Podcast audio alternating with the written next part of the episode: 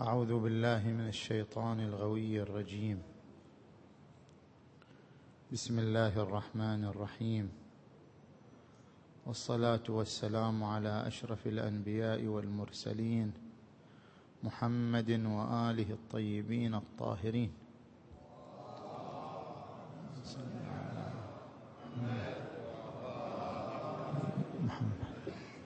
بسم الله الرحمن الرحيم. تلك الرسل فضلنا بعضهم على بعض. منهم من كلم الله ورفع, ورفع بعضهم درجات. وآتينا عيسى ابن مريم البينات.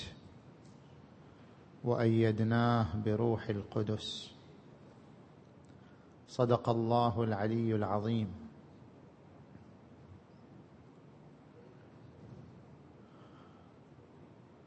هناك سؤال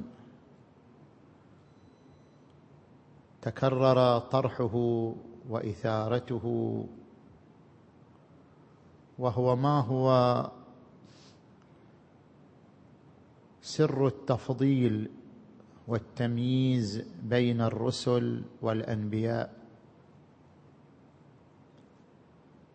وما هي حقيقة التفضيل بين حجج الله على خلقه من الرسل والأنبياء والأئمة الطاهرين صلوات الله عليهم أجمعين. من أجل أن نتحدث عن هذه النقطة علينا أن نذكر عدة أمور تفيد في الوصول إلى حقيقة التفضيل وإلى الوصول إلى مقياس التفضيل حتى بين البشر وبين الناس العاديين والمؤمنين. الأمر الأول أن عالم الوجود المادي الذي نعيش فيه هو عالم المحدودية وعالم الضعف والقصور. الوجود له درجات. إذا لاحظنا الوجود المادي نجد أن الوجود المادي ذو درجات. فالوجود الذي يملكه النبات أقل من الوجود الذي يملكه الحيوان. وجود النبات وجود النمو فقط. أما وجود الحيوان فهو وجود الحركة والإحساس. والوجود المادي الذي يملكه الحيوان أقل من الوجود الذي يمتلكه الإنسان. فإن الوجود الذي يمتلكه الإنسان يتميز بالقدرة على الإبداع والتغيير وإنشاء مجتمع بأسره. وهذه القدرة لا يمتلكها الحيوان. اذا الوجود المادي له درجات. كما أن الوجود المادي له درجات هذا العالم هذا الوجود أيضا له درجات. هناك وجود روحاني محض يعني وجود ليس مؤطرا بإطار المادة ولا علاقة له بالمادة. وجود روحاني محض لا يرتبط بالمادة اطلاقا كوجود العقول الكلية التي قد نتعرض إليها فيما يأتي. وهناك وجود برزخي يعني بين الروحاني وبين المادي. يأخذ من العالم الروحاني بعض الخصائص ويأخذ من العالم المادي بعض الخصائص مثل وجود الجن. الجن وجود برزخي. يأخذ من العالم الروحاني بعض الصفات يأخذ من عالم المادة بعض الصفات أيضا. ولذلك فالجان له قدرة على التلبس بأجساد البشر والسيطرة على أجساد البشر أو الأجساد الأخرى. وهناك وجود مادي وهو هذا الوجود الذي نعيش فيه وجود مادي محض. نبات وحجر وشجر وشمس وقمر وإنسان يعني إنسان قصدي جسم إنسان وجسم إنسان يتحرك على الأرض هذا وجود مادي. الوجود المادي أضعف الوجودات. الوجود المادي أقل الوجودات إمكانية واستعدادا. هذا الوجود المادي الذي نحن نعيش فيه ونفرح به ونعتبره وجودا كماليا هو أضعف الوجودات هو أقل الوجودات حظا من القدرة ومن التمكن. لماذا؟ لأن هذا الوجود المادي مثار المحدودية. الإنسان يصبح محدودا نتيجة هذا الوجود المادي. هذا الوجود المادي منشأ للمحدودية منشأ للمحدودية في طاقة التفكير منشأ للمحدودية في طاقة العمل والفعل. كيف؟ الوجود المادي يشغل حيزا من الفراغ. والوجود المادي محاط بالزمن وبالمكان. فأنا أشغل حيزا من الفراغ ويحيطني زمن لا أستطيع أن أتخطاه. أنتظر حتى يمر الزمن. ما أقدر أغير الزمن أنا. لا أستطيع أن أقدم اليوم الآتي ولا أستطيع أن أؤخره. أنتظر أن يمر علي الزمن حتى أتخطاه. فأنا محدود بحد الزمن. أنا محدود بحد المكان. هذا المكان لا أستطيع أن أملأه كله لأن جسمي لا يقدر على ملئه كله. ولا أستطيع أن أتجاوز هذا المكان إلى مكان آخر ما دمت موجودا في هذا المكان. لا يمكنني أن أشغل مكانين في آن واحد. اذا أنا محدود بحد الزمان. ومحدود بحد المكان وهذه المحدودية توجب الضعف في وجودي. فوجودي المادي وجود ضعيف لأنه محدود بحدين قاسرين ألا وهما حد الزمان وحد المكان. هذا الوجود المادي الضعيف يوجب ضعفا الطاقه الذهنية للإنسان وفي الطاقة العملية والحركية. مثلا الإنسان لماذا يصيبه الضعف؟ نتيجة المادة. لو كان الإنسان متحررا من المادة ما ابتلي لا بمرض ولا بتعب ولا بضعف. لأن المادة يعني لأن الجسم المادي لا يستطيع أن يقاوم كل العوامل لذلك يبتلى بالضعف. الوجود المادي لأنه لا يستطيع مقاومة كل عوامل الطبيعة لذلك يعرضه الضعف يعرضه المرض يعرضه القصور. وكذلك الإنسان يصاب بالضعف في الطاقة الذهنية. كيف أنا أدرك المعلومات؟ أنا عندي طاقة ذهنية. لولا الوجود المادي لأدركت المعلومات بلا حاجة لواسطة. لكن جسمي هو الذي قيد معلوماتي. أصبحت لا أدرك المعلومات إلا عن طريق الحواس التي عندي. بالباصرة أدرك معلومات بالسمع أدرك بعض المعلومات بالشم أدرك بعض المعلومات.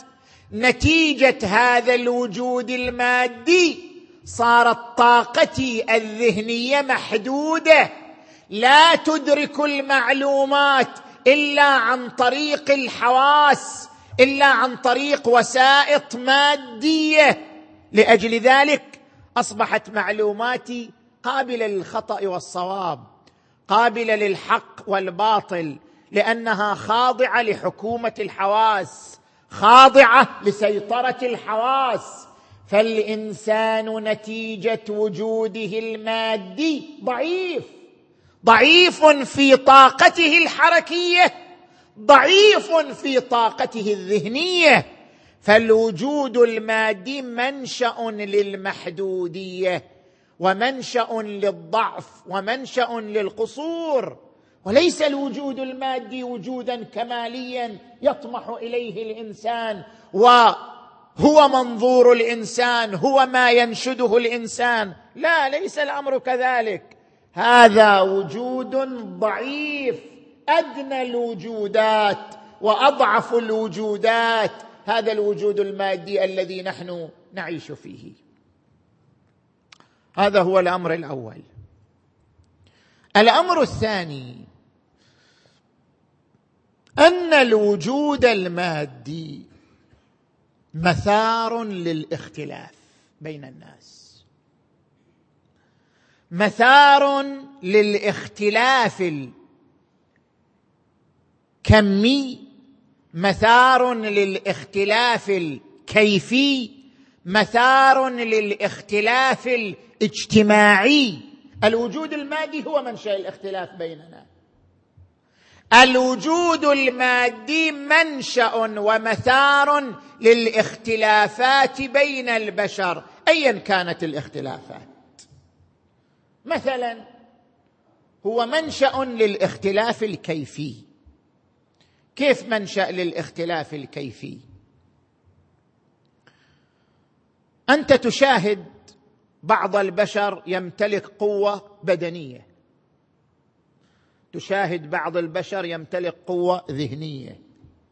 من يمتلك قوة ذهنية أيضا بعض ولهذا كما يقول علماء النفس الاجتماعي ما في ذكي وأذكى. كل إنسان إلى ذكاء في مجال معين. هناك إنسان له ذكاء في مجال إدارة الأعمال.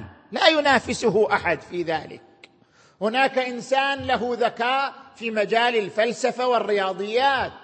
هناك إنسان له ذكاء في مجال الأدب والشعر. هناك إنسان له ذكاء في مجال العلوم النقلية واللغوية. كل إنسان له مجال معين يتحرك فيه عقله ويتحرك فيه ذكاؤه. من أين أتى هذا؟ هذا نسميه اختلاف كيفي. هذا إلى قدرة ذهنية في مجال الأدب. هذا إلى قدرة ذهنية في مجال الفلسفة هذا إلى قدرة ذهنية في مجال الفقه وأمثال ذلك. هذا الاختلاف الكيفي نشأ عن الوجود المادي. الروح عندما اتصلت بالنطفة من أول يوم منذ أول يوم اتصلت الروح بالنطفة اتصلت الروح بهذا الجسم المادي منذ أول يوم الروح خضعت لعاملين عامل الوراثة وعامل البيئة. لو لم تتصل بالجسم المادي ما خضعت لهذه العوامل هي متحررة منها. إنما خضعت الروح للوراثة لأنها اتصلت بالنطفة. إنما خضعت الروح للبيئة لأنها اتصلت بالنطفة. إذا اتصلت الروح بالنطفة وبدأت النطفة تتحرك من نطفة إلى علقة إلى مضغة إلى جسم إلى إلى إلى. هذه الحركة يحكمها عاملان. عامل الوراثة العروق الوراثية الأجداد والآباء تتدخل في حركة هذه النطفة. كيف تتجه؟ وأي عرق تأخذ؟ وأي صفات تأخذ؟ وأي خصائص تأخذ؟ عامل الوراثة يحكم أثره ونتيجة العامل الوراثي تنصرف النفس إلى قدرة أدبية بالوراثة تنصرف النفس إلى قدرة فلسفية بالوراثة تنصرف النفس إلى قدرة بدنية بالوراثة. عامل الوراثة يؤثر أثره. والعامل الآخر عامل البيئة البيئة التي يعيش فيها الإنسان تصرف قدرته النفسية إلى مجال دون مجال. فالاختلاف الكيفي بين البشر نشأ عن علاقة الروح بالعالم المادي وهذه العلاقة خضعت لعاملين عامل الوراثة وعامل البيئة. هذا اختلاف كيفي وهناك اختلاف كمي. ترى في المجال الواحد يوجد عالم وأعلم. مثلا في مجال الطب هذا طبيب وهذا طبيب أكثر حذاقة من ذلك الطبيب. في مجال الفقه هذا فقيه وذلك فقيه أكثر دقة من هذا الفقيه.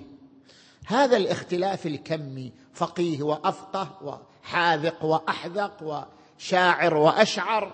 هذا الاختلاف الكمي من أين نشأ أيضا؟ نفس الشيء. من العالم المادي. لأن الله خلقه أعلم وخلق لا ما خلقه أعلم لا. هو نتيجة علاقته بالعالم المادي صار هكذا. ليش؟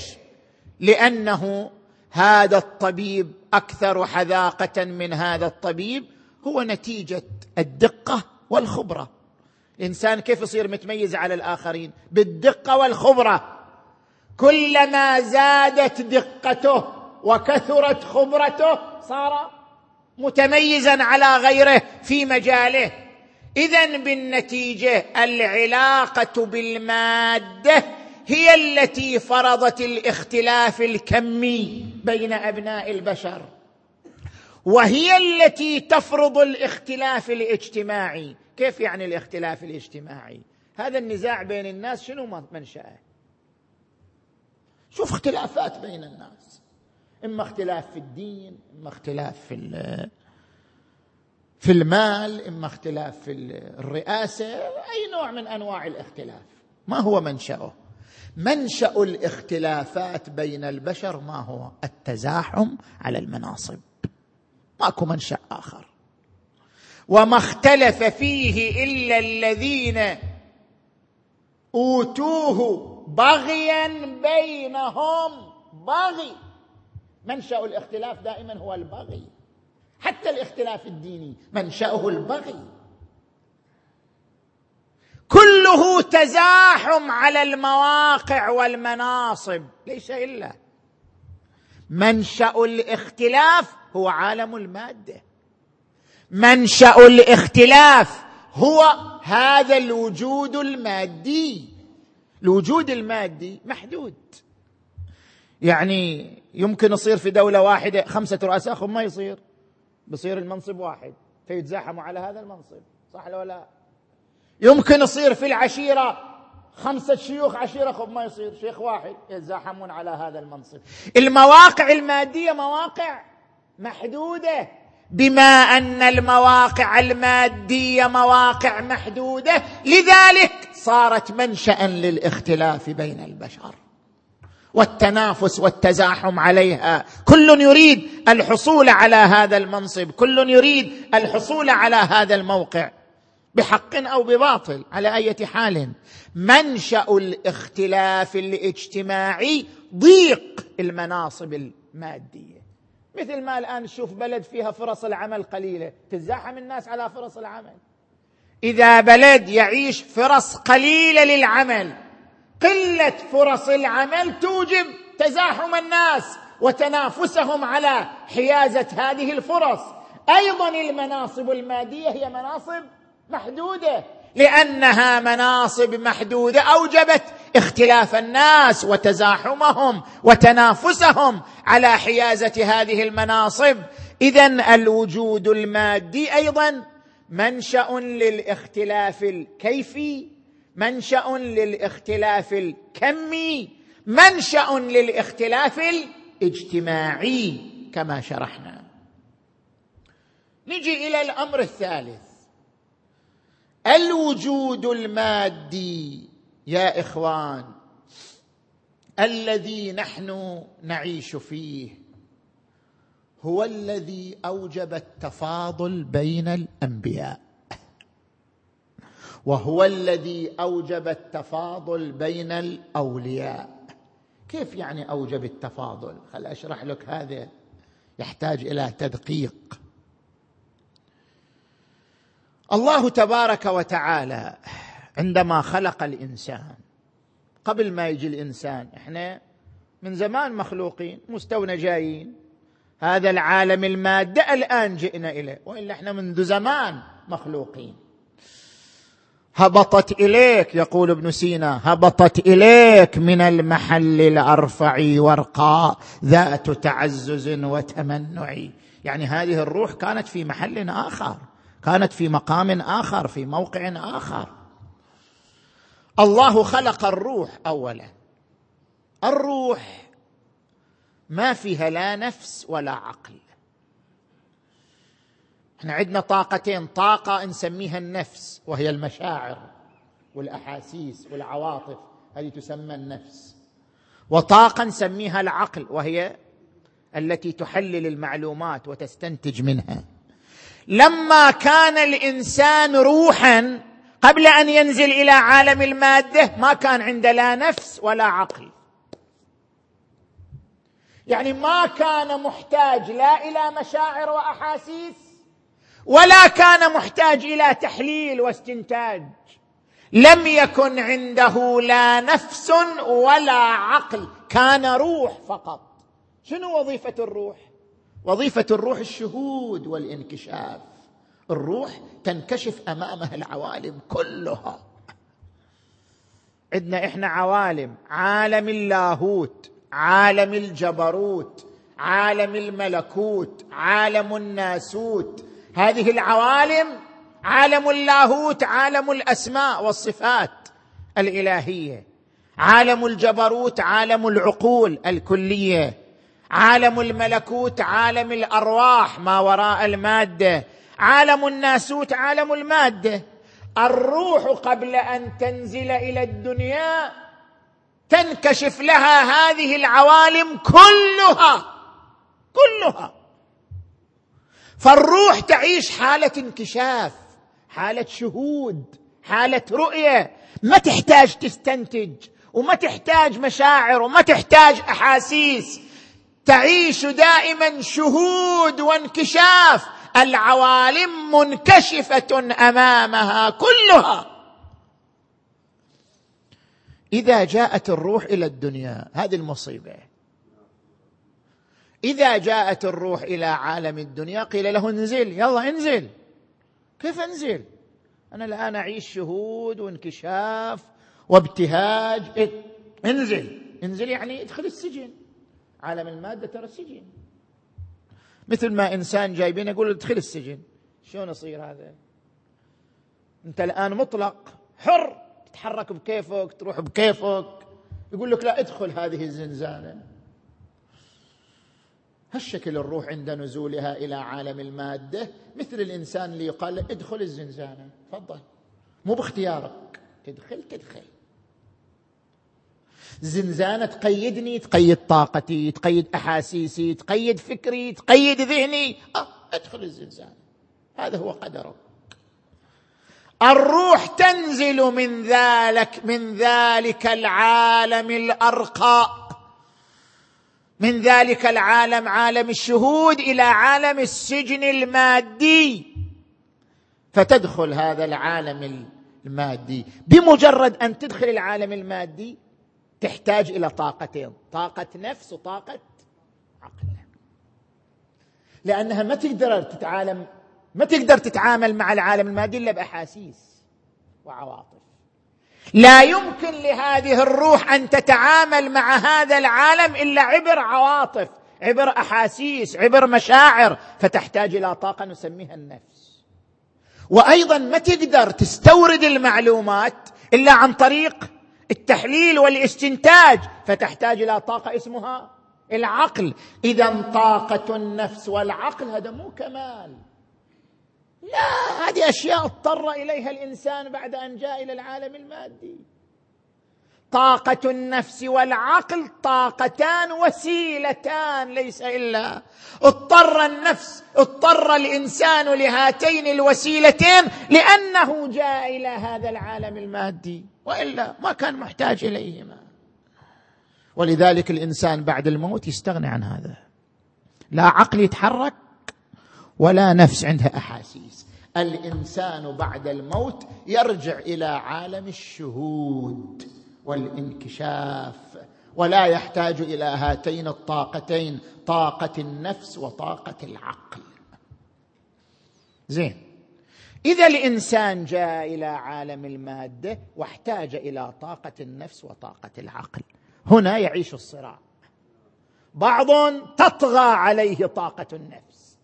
يتعامل مع كل الأمور بإحساس. يتعامل مع كل الأمور بعواطف مثل المرأة.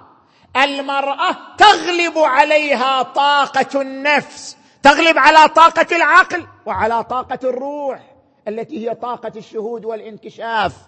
تتعامل مع أغلب الأمور بمقياس شعوري بمقياس عاطفي بمقياس نفسي. وبعض تطغى عليه طاقة العقل. يشغل وقته كله في تحليل واستنتاج مع أنه يحتاج إلى انكشاف يحتاج إلى تعلق بالله يحتاج إلى ارتباط بالله. تطغى عليه طاقة العقل. وبعضهم وهو الواصل من طغت روحه على نفسه وعقله. نفسه بيد روحه عقله بيد روحه. طاقة الروح وهي الشهود والانكشاف طغت على طاقة النفس وطاقة العقل فأحاسيسه بيده وعقله أيضا بيده. هو المسيطر على نفسه وعلى عقله. كيف مسيطر على نفسه؟ خل أضرب لكم أمثلة ابتلائية حيوية كل واحد يبتلي بها. الآن مثلا الطاقة النفسية. هل تستطيع أن تجعل علاقاتك دائما بالله؟ يعني تحب لله. تبغض لله. تقدر؟ ما تقيم أصل ما تقيم صداقات ولا علاقات إلا تحت رضا الله. هذا هنا سيطرة الروح على النفس. هنا تظهر. إذا استطاع الإنسان أن يحب في الله أن يبغض في الله أن يسيطر على مشاعره وأحاسيسه أنا ما عندي صداقات إلا في الله لا أصادق إلا من يذكرني بالله لا أصاحب إلا من يجرني للآخرة ما عندي علاقات غير هذا إذا استطاع الإنسان أن يحكم أحاسيسه وأن يحكم مشاعره. فلا تتحرك نفسه في أي علاقة إلا ضمن رضا الله تبارك وتعالى. فقد طغت روحه على نفسه. ومن الناس من يتخذ من دون الله أندادا يحبونهم كحب الله والذين آمنوا أشد حبا لله. علاقاتهم كلها في إطار حب الله. صاحب ذوي العقل وأهل الدين فالمرء منسوب إلى القرين. هل يستطيع الإنسان هكذا؟ أو لا الإنسان اشمئز من بعض الناس بدون سبب.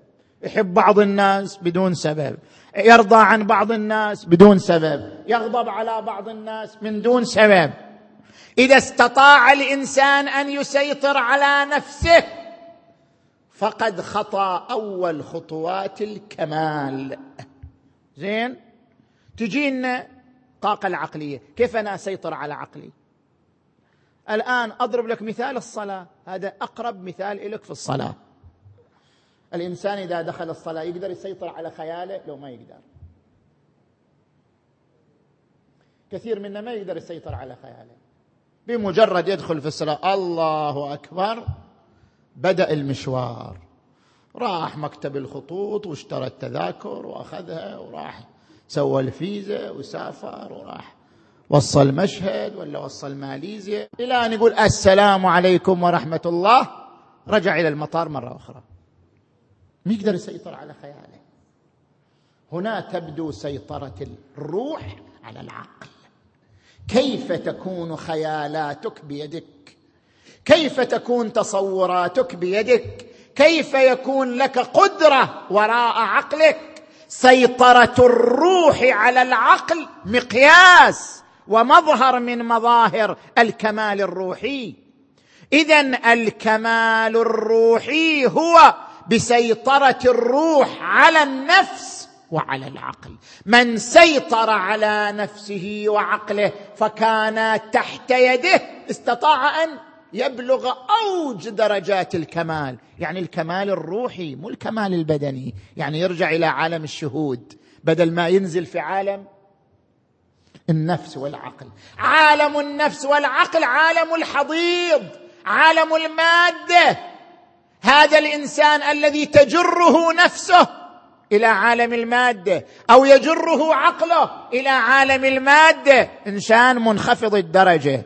أما الإنسان الذي هو يجر نفسه وعقله إلى عالم الانكشاف والشهود الذي كان عليه قبل أن ينزل إلى عالم الدنيا فهو الإنسان الذي خطى خطوات الكمال. الأمر الرابع والأخير. بعد أن عرفنا أن عالم الوجود المادي يعني عالم الحاجة إلى النفس والعقل وأن الكامل من سيطر على النفس والعقل. نجي إلى الأمر الرابع كيف نسيطر على النفس والعقل؟ ما هو مقياس السيطرة؟ ميزان السيطرة؟ ميزان السيطرة الإرادة. إن الله لا يغير ما بقوم حتى يغيروا ما بأنفسهم. الإرادة. فلما زاغوا أزاغ الله قلوبهم. كيف الإرادة؟ بعضهم يقول لك أنا ضعيف الإرادة ما أقدر. لا ما في أحد اسمه ضعيف الإرادة. الإرادة خلقها الله في جميع البشر بدرجة متساوية تماما. درجة الإرادة الموجودة عندي هي درجة الإرادة الموجودة عند المعصوم هي درجة الإرادة الموجودة عند إنسان آخر. الإرادة عنصر متساوي بين جميع أبناء البشر. وما ربك بظلام للعبيد. الإرادة عنصر متساوي. إذا الإرادة عنصر متساوي كيف أنا ضعيف الإرادة؟ كيف ذاك قوي الإرادة؟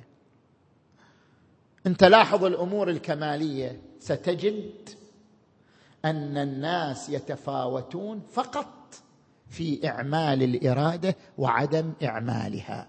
وإلا الإرادة عنصر متساوي. الان أنا أضرب لك أمثلة؟ افترض إنسان الآن إحنا كل كلنا تمر علينا هذه المشكلة.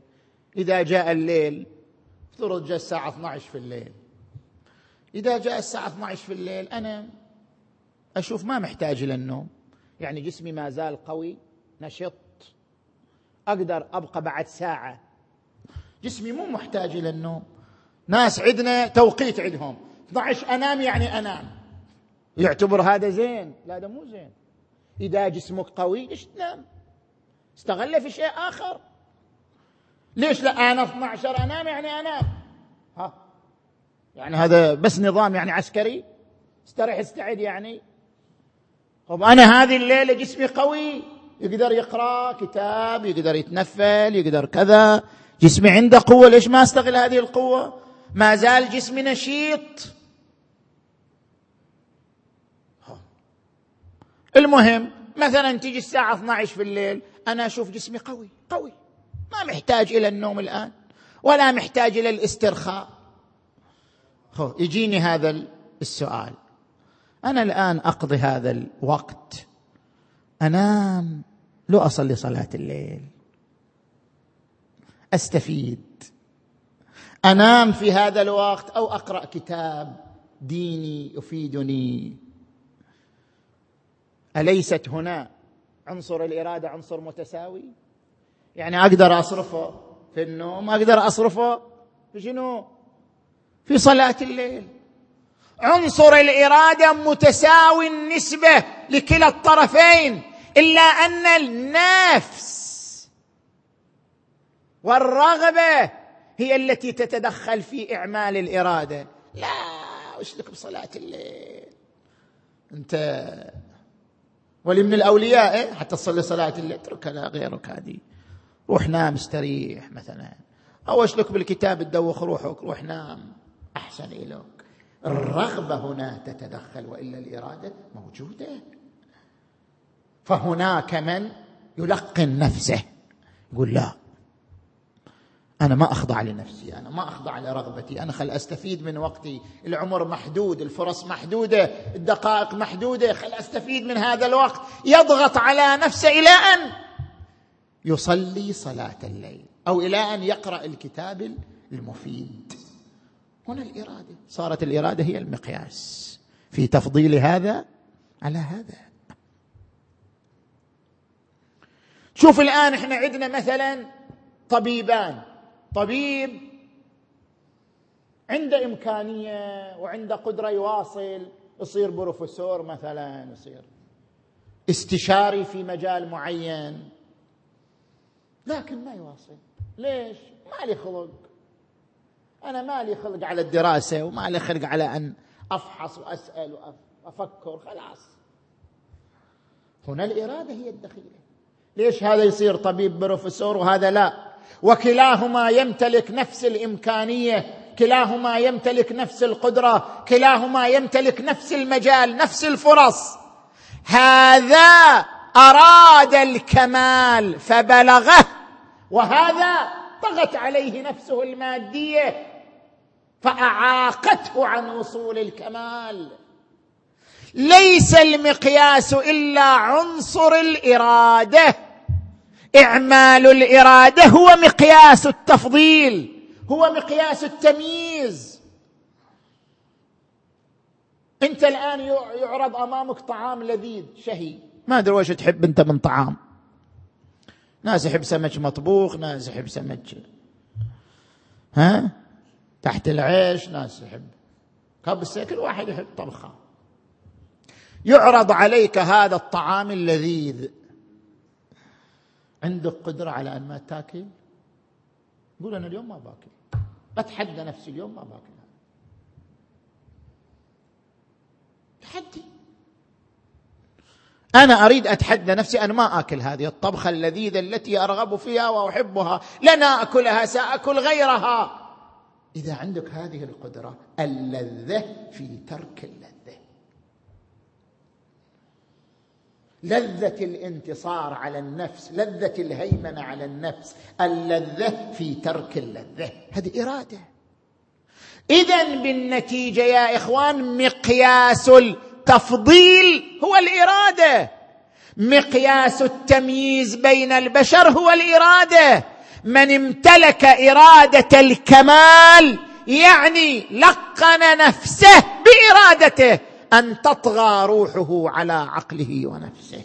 لا أن تطغى نفسه أو عقله عليه. إذا لقن نفسه بذلك كان ذا إراده وإذا كان ذا إراده بلغ درجة الكمال. هنا تتفاوت درجات الأنبياء. هنا تتفاوت درجات الأولياء. في وين؟ في هالمنطقة هذه. سيطرة الروح على النفس وال العقل. سيطرة الروح على النفس والعقل بالإرادة تتفاوت درجات الأولياء وتتفاوت درجات الأنبياء. فهناك من ليس لنفسه أي أثر عليه أصلا. فلا يخالف حتى الأولى. إذا يقول لي المستحب أن تعمل كذا ما يخالف حتى المستحب. ما يخالف حتى المكروه. ليس لنفسه أي درجة من السيطرة عليه. وهذا من بلغ أعلى درجات العصمه محمد وآل محمد.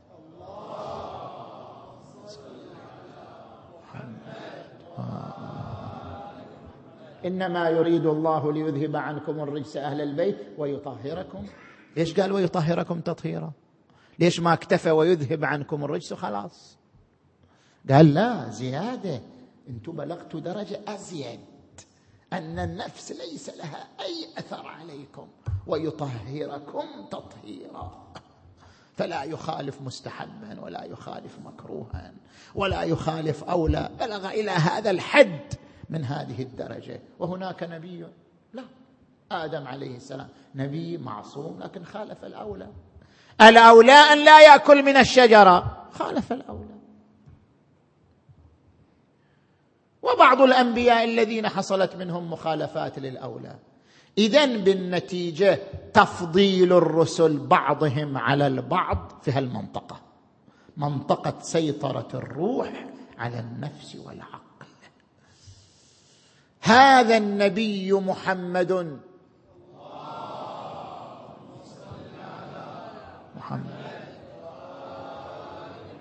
وآل محمد في حالة شهود. يعني هم دائما في عالم الروح لا في عالم النفس والعقل. في حالة شهود وانكشاف. ما رأيت شيئا كما ورد عن أمير المؤمنين عليه السلام. ما رأيت شيئا إلا ورأيت الله قبله وبعده وفوقه وتحته وفيه. لو كشف لي الغطاء ما ازددت يقينا. أنا في حالة شهود وانكشاف. روحي تسيطر علي. أنا قبل أن أجي لعالم المادة وبعد ما جيت لعالم المادة أنا في حال واحد. مثل ما كنت قبل ما أنزل إلى الدنيا الآن بعد ما نزلت إلى الدنيا. ما يتغير علي الحال. لو كشف لي الغطاء ما ازددت يقينا. أنا في حال شهود وانكشاف في سيطرة للروح على النفس وعلى العقل. لذلك تبارك وتعالى ما أعطاهم هذه المميزات إلا لعلمه بإرادتهم.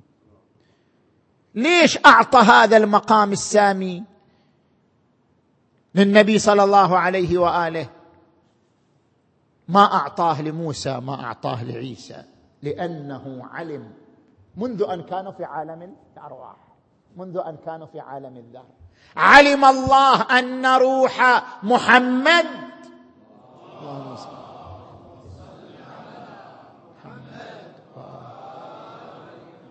ستكون أكثر إرادة من روح عيسى ومن روح موسى. ستكون أكثر سيطرة على النفس والعقل من أي روح أخرى.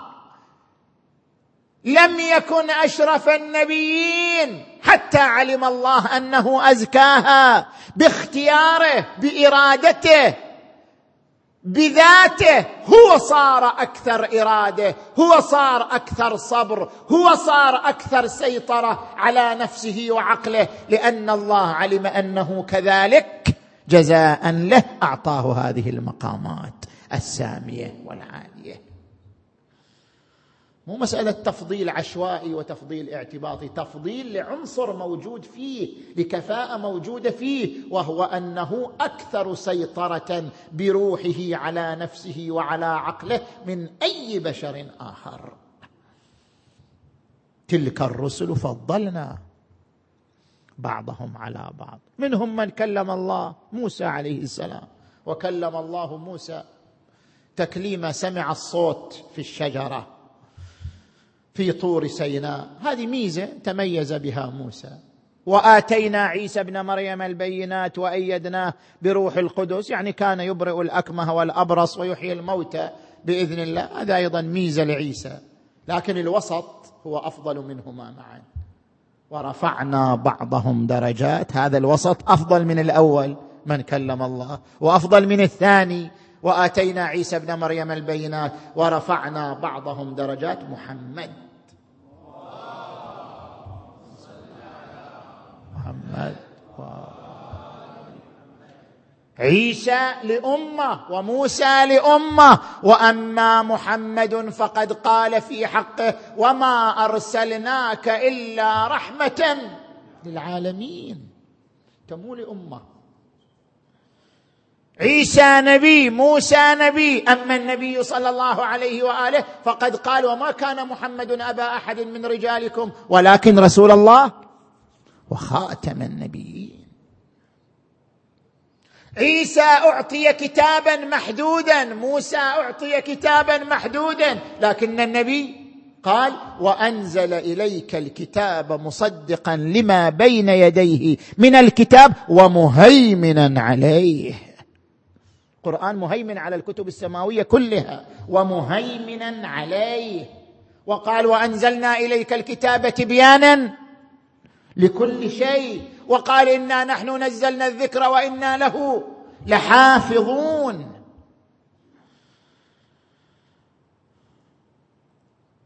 فإذا هذا معنى ورفعنا بعضهم درجات هي ناظرة للنبي صلى الله عليه وآله. بهذه التحليل الذي ذكرناه نعرف سر التفاضل بين الناس وسر الاختلاف بين الناس.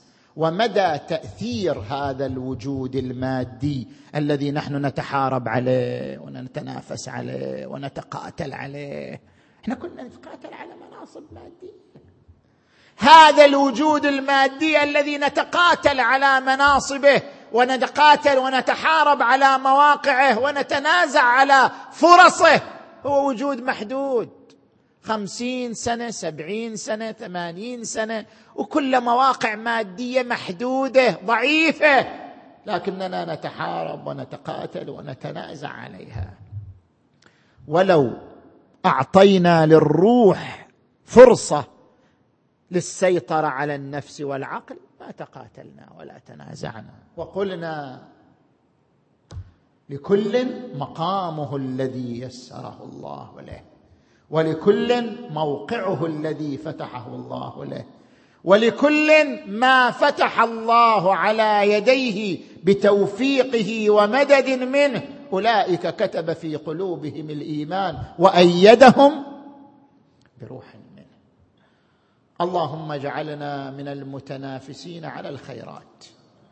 اللهم اجعلنا من المتنافسين على مرضاة ربنا. اللهم اغفر ذنوبنا واستر عيوبنا وكفر عنا سيئاتنا وتوفنا مع الأبرار. اللهم صل على محمد وآل محمد. اللهم كن لوليك الحجة بن الحسن المهدي صلواتك عليه وعلى آبائه في هذه الساعة وفي كل ساعة وليا وحافظا. وقائدا وناصرا ودليلا وعينا حتى تسكنه أرضك طوعا وتمتعه فيها طويلا. وارحم أمواتنا وأموات المؤمنين والمؤمنات وإلى أرواح أموات الجميع. بلغ ثواب الفاتحة. تسبقها الصلوات.